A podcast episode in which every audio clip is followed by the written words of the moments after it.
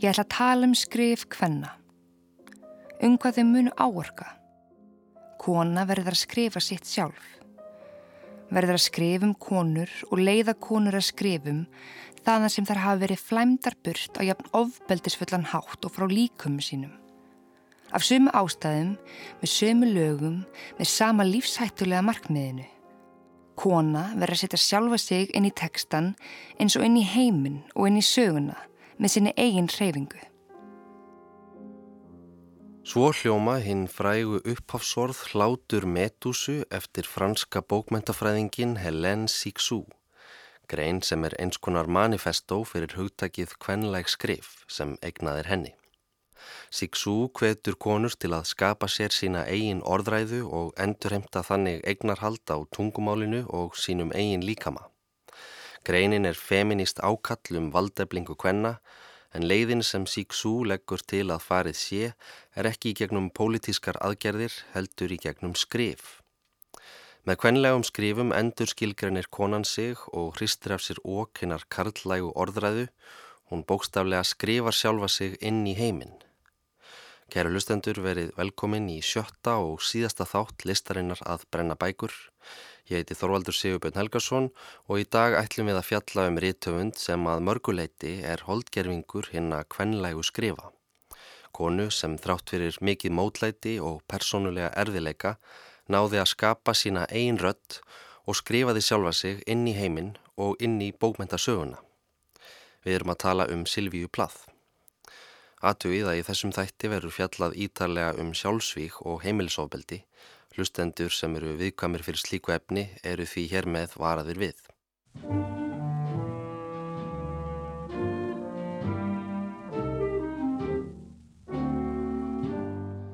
Saga Silvíu Plath ætti að vera flestum kunn. Hún mætti sínum harmrænu endalokum þann 11. februar 1963 þegar hún tók sitt eigið líf aðeins 30 ára að aldri. Silvíja hafði þjáðst af alvarlegu þunglindi nær allt sitt líf og hafði meðal annars gengist undir raflosts meðferð á háskóla árum sínum. Hún hafði auk þess gert nokkrar aðrar tilurnir til sjálfsvíks. Í fyrsta skiptið þegar hún var tvítug með því að taka einn stóran skamt af sveplifjum og skrýða undir húsið sitt og aftur þegar hún var 29 ára með því að keira bíl sinn út í á. Nokkrum dögum áður en Silvíja ljast hafði hún fengið upp á skrifið þunglindislif frá heimilisleikni sínum John Horter. Hún hafði rætt við hann í janúar 1963 og líst fyrir honum þáverandi þunglindiskasti sínu sem hún sæði hafa staðið yfir í 6 eða 7 mánuði. Horter hafði miklar áhyggjur af Silvíu en hún bjóð þá ein með börnum sínum tveimur eftir að hafa slitið samvistum við einmann sinn Ted Hughes nokkru mánuðum fyrr. Horter heimsótti Silvíu daglega og reyndi að fá hann að lagða inn á spítala, en þegar það gekk ekki útvegaði hann henni heimahjúgrunarkonu. Hjúgrunarkonan Mæra Norris átti að hefja störf mánudaginn 11. februar og var hún mætt fyrir utan heimili Silvíu á Fitzroy Road í Lundunum klukka nýju um morgunin. Tvær íbúðir voru í húsinu og bjó Silvíja á samt börnum sínum í þeirri efri. Mæra ringdi bjöllunum að báðum íbúðum ítrekað en fekk ekkert svar og þegar hún prófaði dyrnar þá reyndust þær hardlæstar. Hún fekk að lokum byggingaverkamannin Charles Langridge sem var að vinna á lóðinni til að hleypa sér inn í húsið og saman náðu þau að brjótast inn í íbúð Silvíu. Það fyrsta sem mætti þeim í íbúðinni var megn gaslikt og í eldúsinu fundu þau Silvíu reyfingarlösa á golfinu með höfuðið inn í bakarofninum þar sem það kvildi og hann á saman brotnu viskustykki. Eftir að Mæra og Charles höfðu skrúað fyrir gasið, dróðu þau Silvíu inn í setustofuna þar sem hjókurunakonan reyndi endurlífgun. Á meðan fór Charles upp til að róa börnin sem gretu hástöfum í barnaherberginu á efri hæðinni. Frítu sem var tæplega þryggja ára og Nikolas sem var nýjórðin einsárs. Móðir þeirra hafði tróðið handklæðum og tuskum undir dyrnar að eldúsinu og barnaherberginu svo gasið myndi ekki leka inn til þeirra. Við hliðina á barnarúminu hafði hún svo sett tvö mjölkurglös og nokkra smurðar bröðsneðar. Síðast í morgunmaturinn sem hún myndi útbúa handa börnum sínum. Í andirinu fann Charles miða festan við barnavagnin með skilabóðunum vinsamlega stringið í Dr. Horter og símanúmeri læknisins. Horter kom á staðinum 10.30 og staðfesti það sem þarna var orðið deginum ljósara. Silvíja Plath, ljóðskáld og rittöfundur var látin.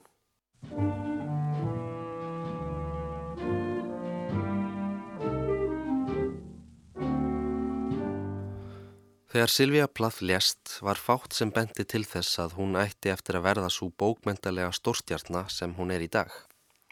Útgáfilisti hennar sem reytöfundur fram að því var fremur rýr og samanstóð af einni ljóðabók The Colossus sem kom út árið 1960 og skaldsögunni The Belgiar sem var gefin út undir dullnefni tæpum mánuði fyrir dauða Silvíu. The Belgiar fekk nokkuð misjafnar viðtökur til að byrja með og fannst sumum gaggrinendum ákveðin byrjandabrægur vera á bókinni. Skaldsagan fjallar um Esther Greenwood, ungan háskólanema frá Boston og lýsir baráttu hennar við geðsjúkdóm og erfiðu bataferli.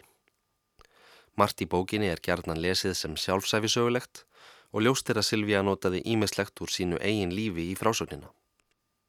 Esther Greenwood fer til dæmis í starfsnám hjá bókmentatímariti árið 1953 eins og Silvíja gerði sjálf og gengstundir aflostsmeðferð rétt eins og Silvíja gerði á sínum yngri árum.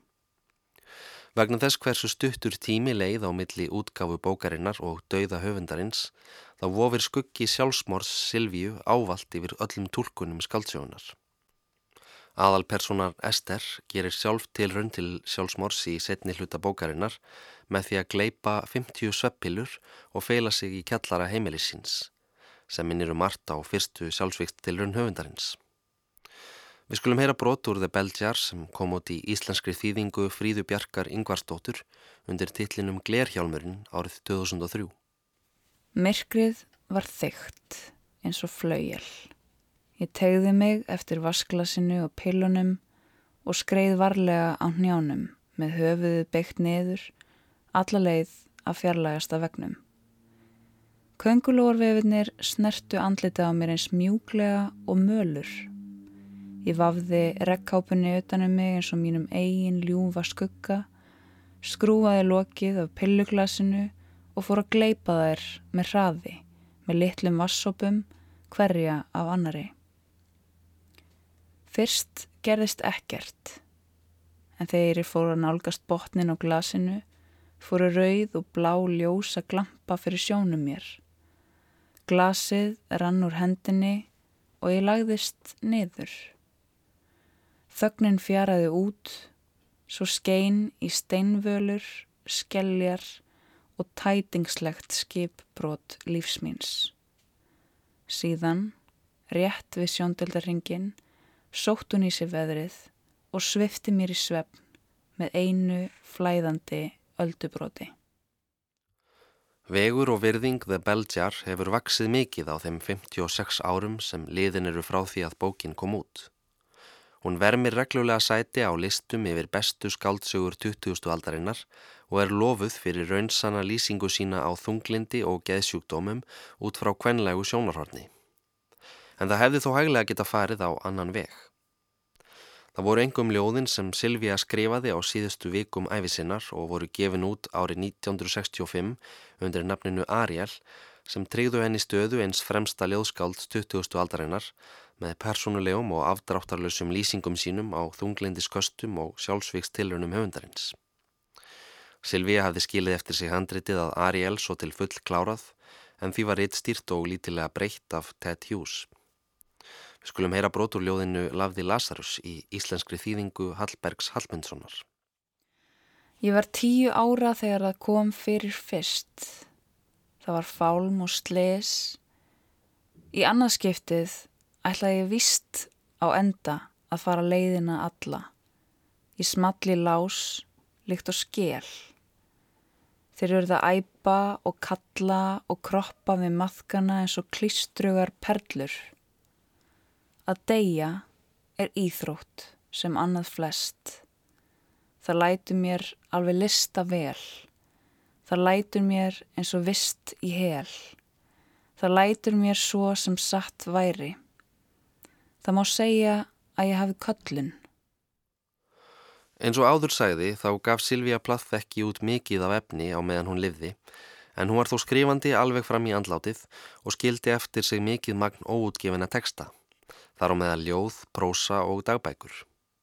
Þar eða hún var enn lagalega gift Ted Hughes þegar hún lést, þrátt fyrir að þau hafi þá verið skilin að borði á seng frá haustinu 1962, fjall rétturinn að dánarspúi hennar og þar með talið öllum óútgefnum skrifum í hans hendur.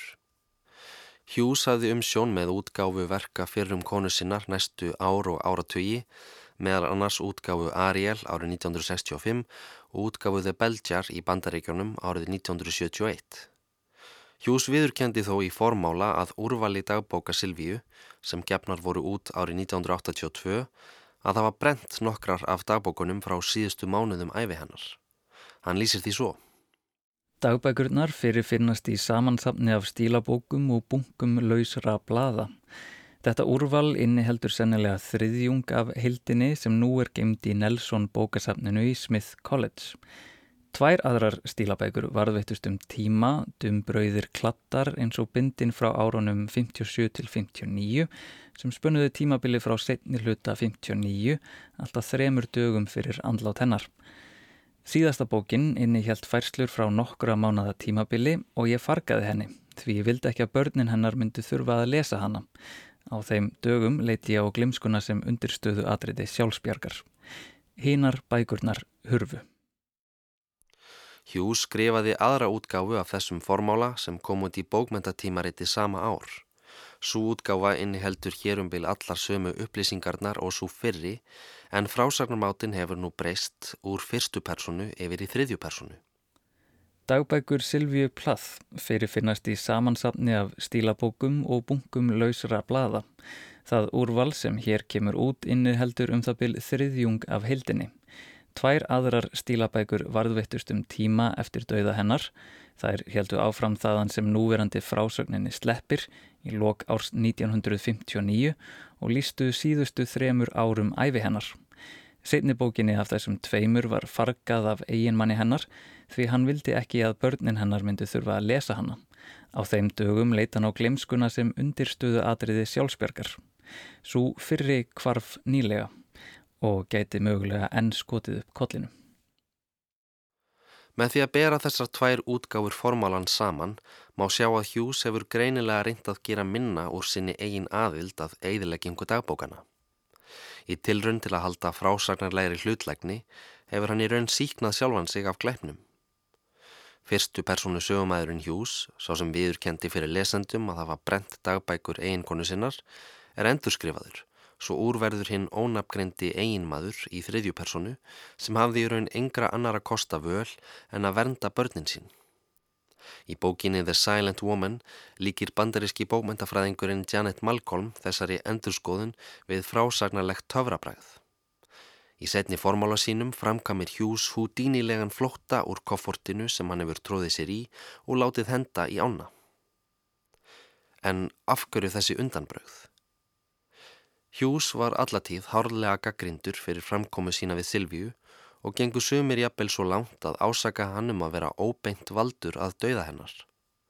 Þá er gjarnan bent á þá staðrind að konan sem Hughes yfirgaf Silvíu fyrir, sameigileg vinkona þeirra hjóna, Assia Weevil, framdi einnig sjálfsmorð nokkrum árum síðar á sama hátt og Silvíu. Í ljósi þess er eftir vill skiljanlegt að Hughes hafi viljað venda napsitt gegn frekari ásökunum til dæmis með því að segja staðins að verða að hugsa um hag barna þeirra Silvíu. En eftir því sem málið er skoða nánar, vakna upp sífælt fleiri spurningar. Áður en Silvíu lést hafði hún verið að skrifa nýja skáldsögu með vinnutitilinn Double Exposure. Lítið er vitað um söguna annað en það að hún var sjálfsæfi söguleg, líkt og þeir belgjar og byggði á hjónabandi Silvíu og Ted Hughes. Í brefi frá því stuttu áður en hún lést segist Silvíja vera að vinna að bók sem fjalli um konu sem kemst að því að eiginmaður hennar er svíkull kvennabósi. Silvíju endist ekki aldur til að klára verkið en samkvæmt formála Ted Hughes að smásagnasafni hennar Johnny Panic and the Bible of Dreams sem kom út árið 1977 taldi handritið að Double Exposure 130 velritaðar síður. Í sama formála segir Hughes handritið hafa týnst einhver tíman í kringum 1970 en gefur þó engar nánari útskýringar á því. Tæpum tveimur áratugum síðar er Hughes búinn að endurskoða sögu sína og í viðtali við The Paris Review árið 1995 segir hann Móður hennar sagðist að það séð heila skáldsögu en ég vissi aldrei neitt um það. Það sem ég hafði heyrt af voru 60-70 blaðsögur sem hurfu og ef ég á að vera reynskilinn þá gerði ég alltaf ráð fyrir því að móður hennar hefði tekið þær allar. Við getum nokkur veginn útiloka það að Silvia Plath hafi náða klára double exposure en það byrjaði hún ekki að skrifa bókina fyrir henni í ágúst 1962, halvu ári áður en hún ljast. En var handritið 130 blaðsíður eða aðeins 60 og hvað varð um það? Á þessum tímapunkti er orðin okkur ljóst að öllum staðhæfingum Ted Hughes um skrif fyrir um konu sinnar byrja að taka með miklum fyrirvara. En við skulum skoða aðeins betur samband Silvi og Ted og aðtúa hvort einhver svör sé að finna þar. Fyrstu kynni Silvíu og Ted áttu sér stað laugardaginn 25. februar árið 1956 í partíi í Cambridge háskóla. Tilefni partísins var að fagna fyrstu útgafu bókmentatímaritsins St. Botolph's Review sem Hughes hafi verið einn af stofnundunum að. Partíið var haldið í fundarsal kvennfélagsins við Falcon Yard og að sögn Ted var mikið drukkið og rífandi stemming raunar svo mikil að háskólanemandir skildu húsakynnin eftir í algjöru rústi. Gluggarnir brotnir og gólfið eitt forar svað. Það var einhver staðar þarna í miðjum gleðskapnum, umkringt háskólanemum fullum af áfengi og ljóðlist sem Silvíja Plath og Ted Hughes rákust á hvort annað. Silvíja hafði reyndar haft augastað á Ted í einhver tíma. Hún hafði lesið ljóð eftir hann og heitlast svo af þeim að hún lærði eitt þeirra utanað til að geta flutt það fyrir hann. Silvija var fætt í Boston árið 1932 og var þarna 23 ára gömul. Hún hafði komið til Cambridge á Fulbright skólastyrk til að nema enskar bókmyndir við Newnham College. Ted var fættur árið 1930 í Yorkshire í Englandi og var þarna 25 ára gamal. Hann hafði sjálfur útskrifast frá Cambridge fyrir tæpum tveimur árum en fór ennþangað í reglulegar heimsóknir frá heimili sínu í London meðal annars vegna þess að þáverandi kærasta hans stundaði þar nám en einni vegna þess að honum leittist starfsitt sem fólst í því að skrifa ágrip af nýlegum skáldsögum fyrir framleiðslufyrirtæki í því skinni að finna sögur til að kvikmynda. Sennilega hefur koruft þeirra gert sér í hugalund hversu þýðingar mikil þessi fyrstu kynni ættu eftir að verða en Silvíja og Ted skrifuðu þó bæði niður upplifanir sínar af samfundunum sem með árunum fengu á sig sífælt skáldlegra vægi. Silvíja skrifaði eftirfarandi fæslu í dagbók sína morgunin eftir. Hún vaknaði eftir sex tíma söfn og í staðin fyrir að vinna í bókmyndaritgerinni sem hún átti að vera að skrifa, tók hún til við að rekja atbyrju næturinnar. Ég var að stappa og hann var að stappa í gólfið og síðan kistan mig, bang, beint á munnin og reif hárbandið af mér, dásamlega rauða hárklútin minn sem hefur veðrast af sól og mikilli ást, hvers líkan ég mun aldrei aftur finna og uppáhalds sylfur eirnalokkana mína, ha, ég ætla að halda þeim gæltan. Og þegar hann kisti mig á hálsin, beiti hann fast og lengi í kinnina og þegar við komum út úr herbygginu, lag blóð hans niður andlitið. Ted Hughes byrti sína eigin útgafu í síðustu ljóðabóksinni Birthday Letters sem kom út árið 1998, 42 árum eftir partíið í Cambridge og nokkru mánuðum áður en hann lést en bókin er gerðan lesin sem eins konar uppgjör á sambandi hans og Silvíu. Við skulum heyra brotur ljóðinu St. Bótolfs í íslenskri þýðingu Hallbergs Hallmundssonar og Árna Blandon. Ég man lítið frá því sem eftir var kvöldsins. Ég laumaðist burt með kærustunni, ekkert nema reyði hvæs hennar í dýrunum og fór undra yfirslu út af bláa höfuðklúnum þínum í vasa mínum og bólnandi tannfur eins og ringlaga virki skröf sem merti á mér andlitið næsta mánuðin og mig sjálfan á bakvið það æfinlega síðan. Fundum Silvíu og Ted bar ekki aftur saman fyrir en tæpum mánuði eftir partíið. Silvíja var þá í tveggja vekna skólaleifi og hafði ákveðið að skreppa til Parísar meðan á því stóð en þurfti að stoppa í London yfir nótt. Hún leiði hótelherbergi rétt hjá Íbúð Teds en let hann þó ekki vita að von væri á henni í bænum. Engun veginn hefur hann þó frétt af komu hennar því hann bað vinsinn og sameinlegan kunningja að hjálpa sér að koma þeim saman. Plottið virkaði og Silvíja eitti nóttinni hjá Ted áður en hún helt til Parísar daginn eftir. Eftir þennan setni ástarfund var ekki aftur snúið og þegar Silvíja kom aftur til Englands voru þau Ted orðin óaskílenleg. Tveimur mánuðum síðar voru þau orðin hjón. Brúðköpið fór fram í Sóknarkirkju Teds í London þann 16. júni 1956. Móður Silvíu, Áreilía Plath, var eini fjölskyldumælimur þeirra begja sem var viðstödd. Silvíja og Ted eittu restinni af sumrinu í brúðköpsferð til Benidorm og Parísar en ferðin var líka hugsuð sem vinnuferð fyrir hjónakornin sem voru bæði smám saman að finna rött sína sem skald. Personulegt líf Silvíu og Ted var alla tíð samofið þeirra skaldlega lífi eins og sjá má á skrifum þeirra begja. Á þeim sex árum sem samband þeirra stóði yfir voru þau í senn hjón og nánustu samstagsmenn. Þau lásu yfir skrif hvors annars og ripuðu niður aðtúasendir Deildu bæði hugmyndum og skrifborði og endur nýttu meira segja glósupappir hvors annars. Það var þjónabandi sjálft líka fljótt uppspretta skaldlegs efniviðar. Í júni 1957, þegar þau voru búin að vera gift í eitt ár, fluttu Silvíja og Ted til Massachusetts í bandaríkjónum, þar sem Silvíja fekk vinnu sem kennari við Smith College, kvennaháskólan þaðan sem hún hafi útskrifast úr grunnámi nokkrum árum áður. Ted fekk vinnu sem kennari við Amherst College, annan háskóla í grendinni. Um þetta leiti byrjaði Silvíja að skrifa sín fyrstu drög að skaldsögu. Sjálfsæfi sögulegt verk sem byggði á tíma hennar í Cambridge og sambandi þeirra Ted. Vinnutitillin var Falcon Yard, nafnstaðurinn sem þau Ted höfðu fyrst hist á, en Silvíja lísti söguþræðinum í dagbóksinni sem Amerisk stelpa kemur til Cambridge til að finna sig. Henni reyndist þó erfitt að finna tíma til að skrifa samhliða kjenslunni auk þessum þunglindið var aftur farið að láta á sér kræla á ný. Hún átti síðar eftir að brenna handritið að Falcon Yard á samt ymsum öðrum skjölum þegar hún uppgötaði framhjáhald Teds. Silvíja sæði upp störfum við Smith College eftir aðeins eitt kennslu ár og haustið 1958 flutti hún og Ted til Boston þar sem hún sótti meðal annars námskeið í skapandi skrifum. Í Boston undirgegst hún líka meðferð hjá geðlækninum Ruth Barnhouse, sama lækni og hafði hugsað um hana eftir fyrstu sjálfsvíkstilunina árið 1953. Barnhouse þessi átti eftir að verða fyrirmyndin að personunni Dr. Nolan í The Belgiar, geðlækninum sem hjálpar Esther Greenwood að komast í gegnum geðranu veikindi sín. Silvia og Dr. Barnhouse áttu náðið samband og skrifuðust á um margra ára skeið. Hluti þessara brefa endur uppgötaðist nýlega þegar þau voru bóðin upp til sölu af fordbókasala sem hafi komið stöndum yfir þau. Brefin ollu uppnámi þegar innihald þeirra spurðist út, engum vegna þess að þau staðfestu ákveðnar grunnsemdir um samband Silvíu og Ted sem hafi reynst erfitt að færa sönnur á eftir að dagbækur Silvíu síðustu mánuðina glötuðust. Við munum koma aftur á brefinum síðar en fyrst skulum við fara nokkur skref tilbaka.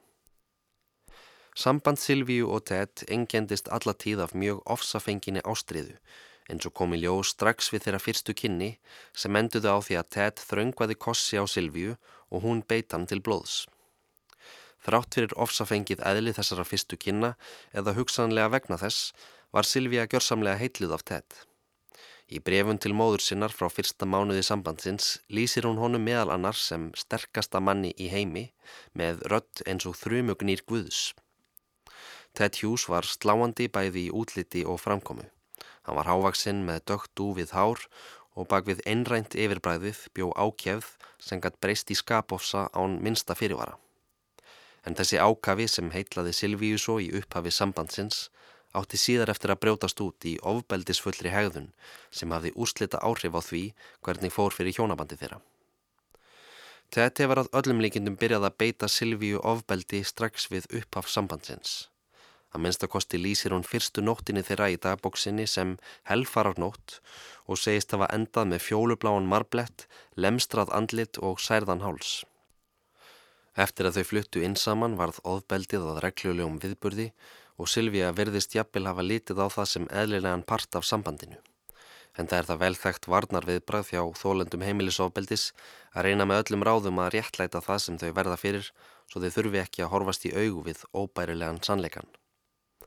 Í dagbóksinni þann 11. jóni 1958 lísti Silvíja eftirmála átaka við Ted sem blossuði upp í kjölfar þess að hún stóð þann að verki við að dadra við unga stúlku sem var nefandi hans við Amherst College. Ég var með tóknaðan þumal, Ted með blóðu klórför í viku eftir á og ég man eftir að hafa kastað glasi með öllum mínu mætti yfir dimt herbergi en í stað þess að brotna endurkastaðis glasið tilbaka í heilu lægi. Það lenda mér og ég svo stjörnur. Loftið er hreinsað, við erum heil og ekkert, engar óskir um peninga, börn, öryggi, ég vil algjör auðæfi. Ekkert er þess verðið að stopna því sem ég á í hættu, sem er svo mikið að englarnir getu eflaust öfundað mig. Það var svo sem aldrei neitt leindarmál að Ted Hughes beitti Silvíu ofbeldi. Á áttunda áratögnum var hann stundum trublaður við ljóða upplestra af feminískum aðgerasinnum sem kölluðu til hans morðingi. Aug þess sem ljóðskáldið Robin Morgan skrifaði ljóð með upphafslínunum Ég ásaka Ted Hughes. En Ted hafði engu að síður diggan hóp stuðningsmanna á sínu bandi sem margir hverjir voru áhrifameklir menn í bandarísku og bresku bókmæntasamfélagi.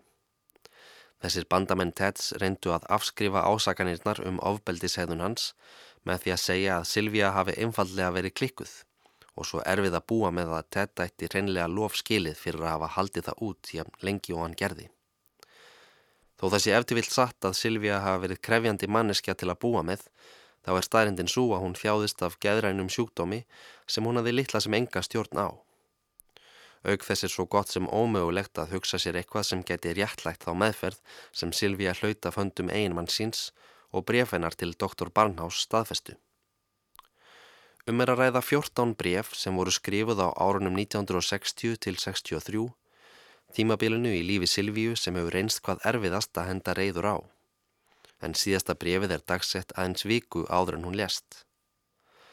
Silvíja og Ted fluttu aftur til Englands í loka árs 1959 þar sem þau egnuðist dótturuna Frítu í april 60 og soni Nikolas í januar 62.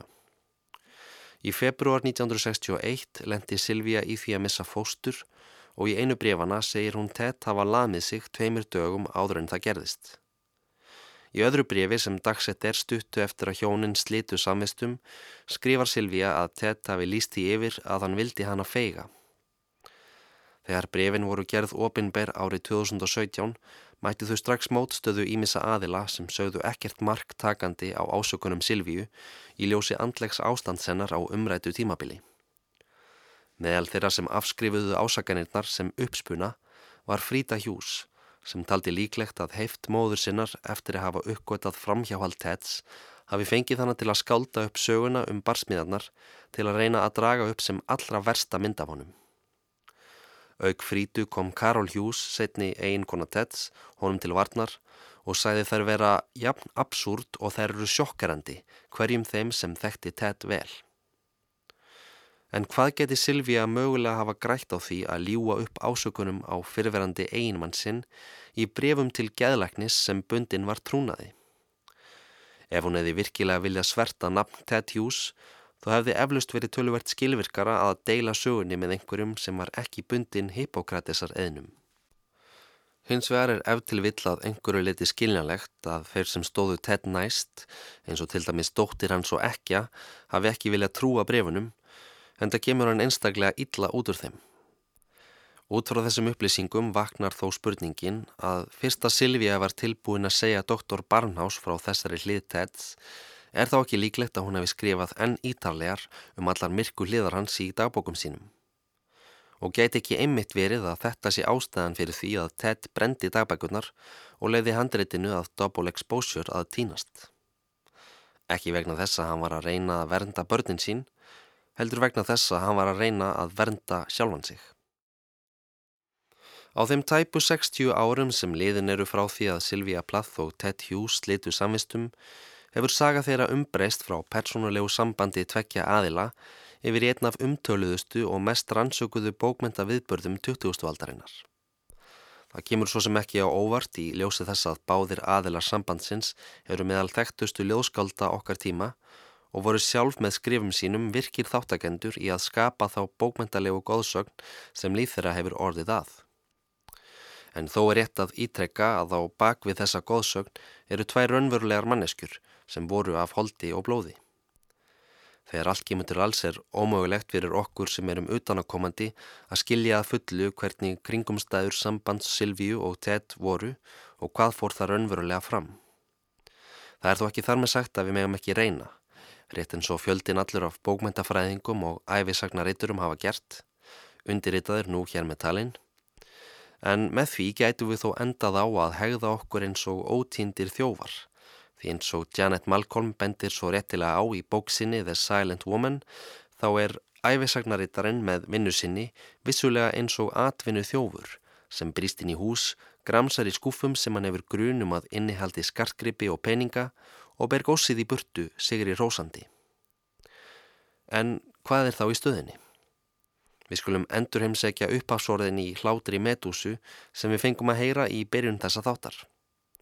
Í greininni segir Helen Sixu meðal annars Kona verður að skrifa sitt sjálf. Silvia Plath var kona sem skrifaði sitt sjálf, sem kemur berðsinilega í ljós í öllum hennar skrifum, skáldskap, ljóðum, brefum og dagbókum.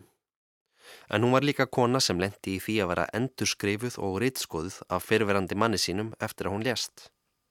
Manni sem yfirgaf hana fyrir aðra konu og beitti hana að sögn grófu ofbeldi á meðan þau voru saman.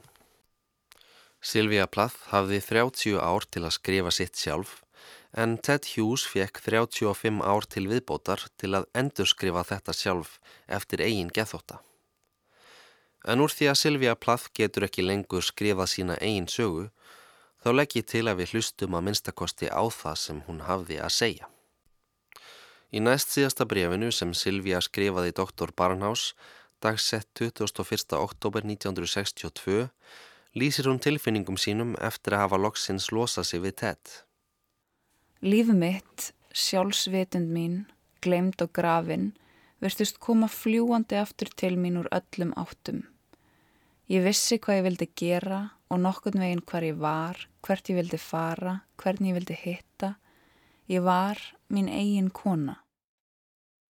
Síðar í brefinu lýsir hún því að eftir skilnaðin sé líkt og skaldið í henni hafi risið upp úr dvala.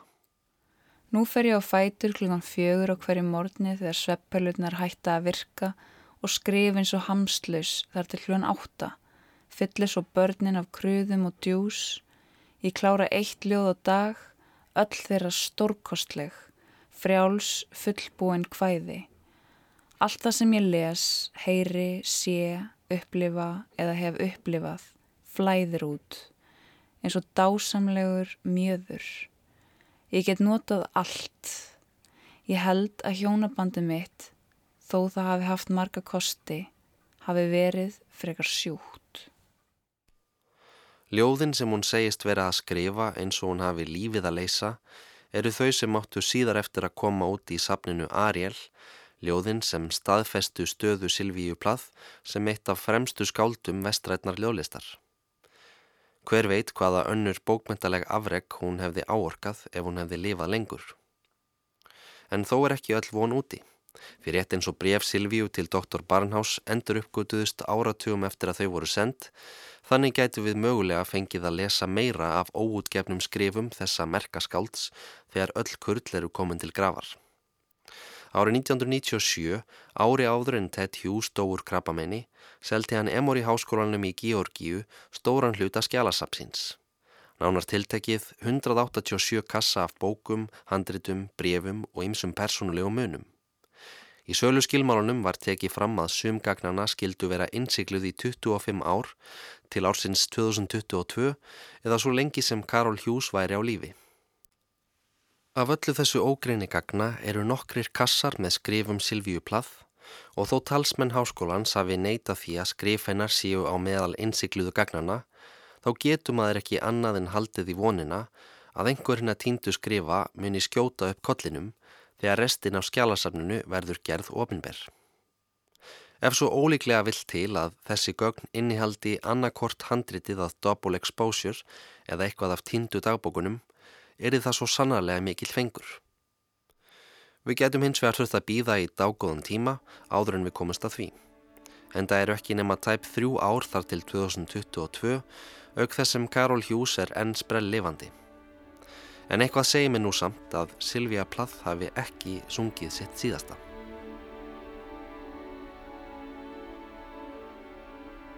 Rose and flows of angel hair and ice cream castles in the air and feather canyons everywhere. Looked at clouds that way.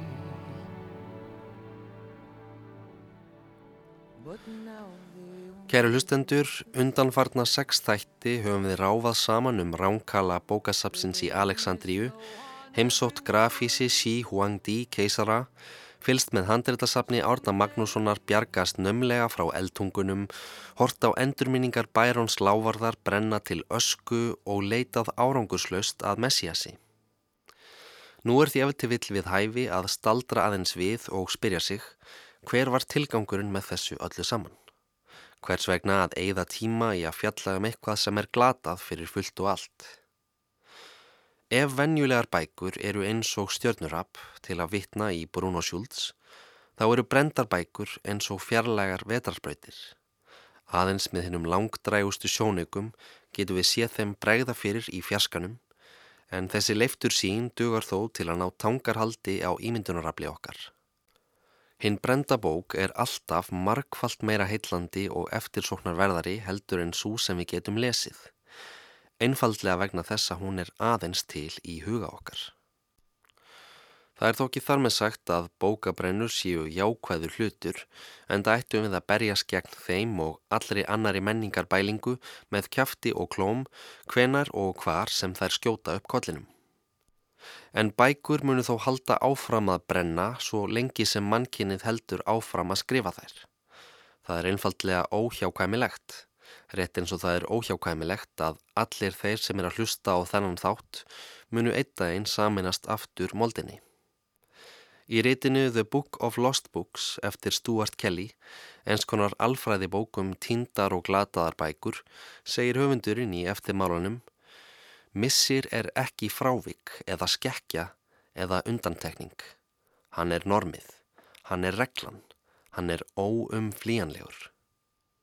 Kelly heldur áfram og spyr réttilega til hvers ætti þá að reyna að varveita þekkingu fyrst allt mun á endanum glatast. Vegna þess að jafnvel þótt eitthvað hætti að vera til, glatar það samt ekki merkingu sinni og mikilvægi. Gildir þar jamt um mannfólk og bækur. Við sjáum þetta í öllum þeim bókum sem við höfum fjallað um hér, allt frá tíndu papírusróllum Safóar til dagbóka Silvíu Plath. Hvort sem þær eru glataðar fyrir fullt og allt eða munu eitt daginn rýsa upp úr öskunni, þá likur engin vafi á því að þær munu halda áfram að vekja upp undrun um ókomna tíð.